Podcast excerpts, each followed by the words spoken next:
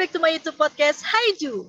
Sekarang di video kali ini kita akan bahas cara membuat CV atau resume. Sebenarnya ada banyak contoh CV ya atau resume yang bisa kita temukan di Google. Tapi mungkin justru saking banyaknya dan macam-macam bentuknya, macam-macam juga isinya, mungkin malah jadi bikin kamu bertanya-tanya, sebenarnya informasi apa aja sih yang dibutuhkan sama HRD dari CV kita? Dan apa aja sih sebenarnya yang penting untuk ditulis, ya kan?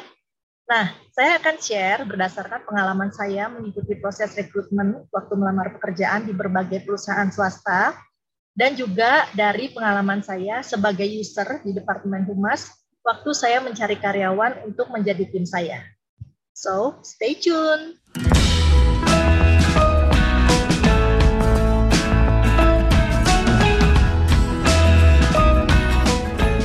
Curriculum vitae atau CV itu berasal dari bahasa Latin yang artinya riwayat hidup.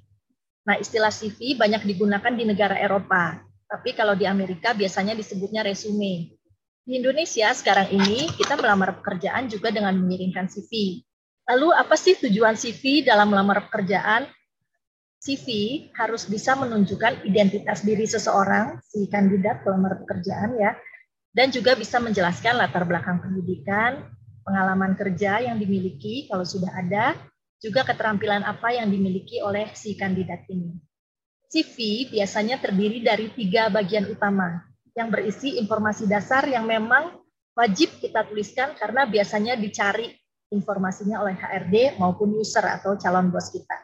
Yang pertama adalah bagian eh, pertama itu tentang data diri kita, Kemudian yang kedua, bagian kedua itu adalah tentang pendidikan dan bagian ketiga itu adalah uh, tentang pengalaman pekerjaan.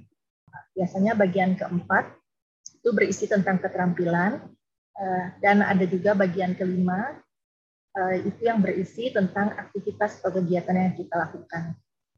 Buat kamu yang fresh graduate dan sama sekali nggak punya pengalaman kerja, kamu bisa isi CV kamu dengan informasi yang lain. Nanti ada bagian keterampilan atau kegiatan itu bisa kamu isi. Bagian kelima yang berisi kegiatan ini merupakan bagian yang penting. Karena dari kegiatan-kegiatan itu nanti akan dilihat nih kesesuaiannya, kecocokan pengalamannya dengan yang dibutuhkan di lowongan pekerjaan itu.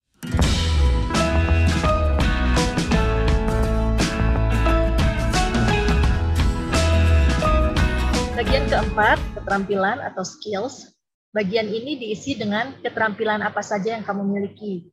Misalnya bahasa Inggris, komputer, dan sampai tingkat apa bahasa Inggrisnya, apakah misalnya uh, cukup, baik, excellent, uh, baik sekali.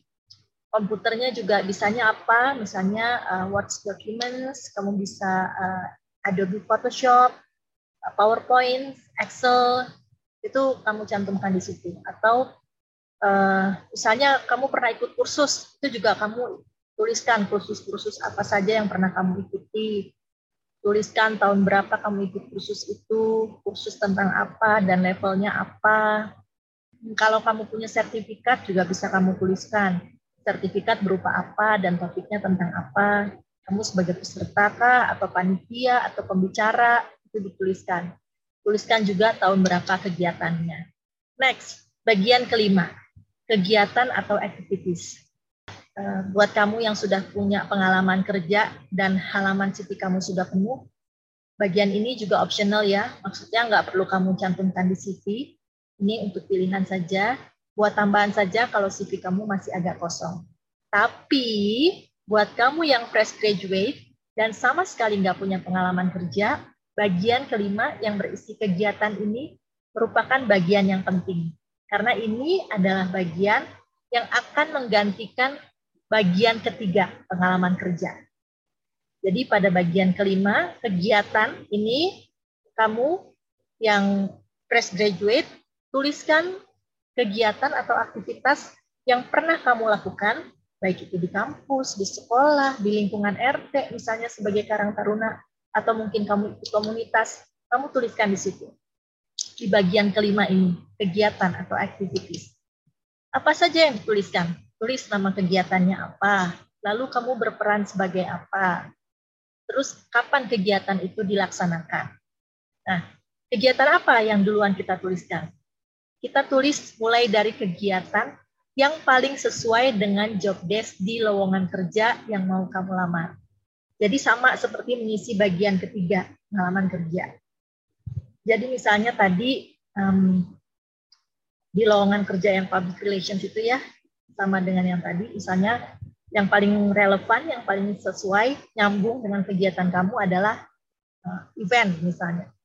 Ya kamu tulis kegiatan kamu di bagian kegiatan ini, kamu tulis poin pertama adalah kamu menjadi penyelenggara misalnya acara 17 Agustusan tingkat kelurahan.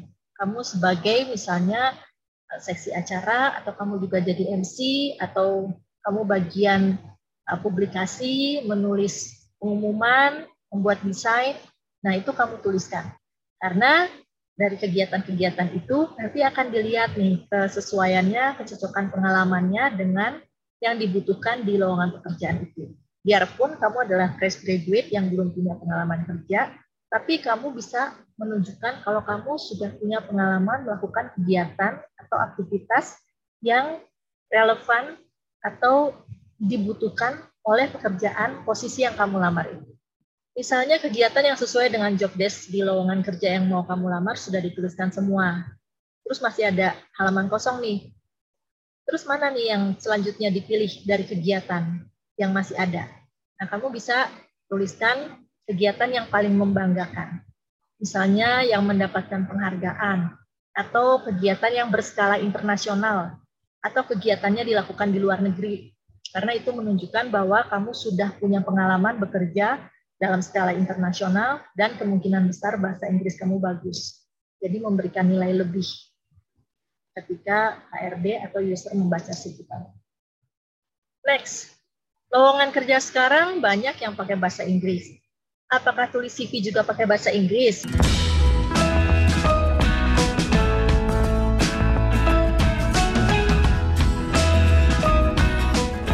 Itu aja dulu topik kita kali ini tentang membuat CV.